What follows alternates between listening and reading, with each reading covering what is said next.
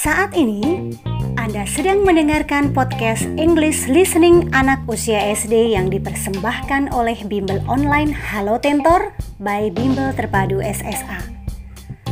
Untuk lebih banyak lagi materi belajar bahasa Inggris dan juga pelajaran lainnya, kunjungi Facebook dan Instagram Bimbel SSA dan segera bergabung bersama kami.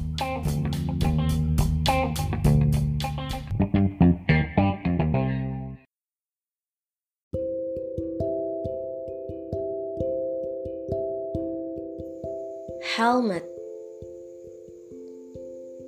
A standard helmet is one of the protective equipments for motorcycle riders. Why must we use a standard helmet if you ride a motorcycle? A standard helmet can protect us from a serious head injury in an accident. The best way to choose a helmet is we have to try it when we buy it in the shop. Does your head feel good or not if you use it?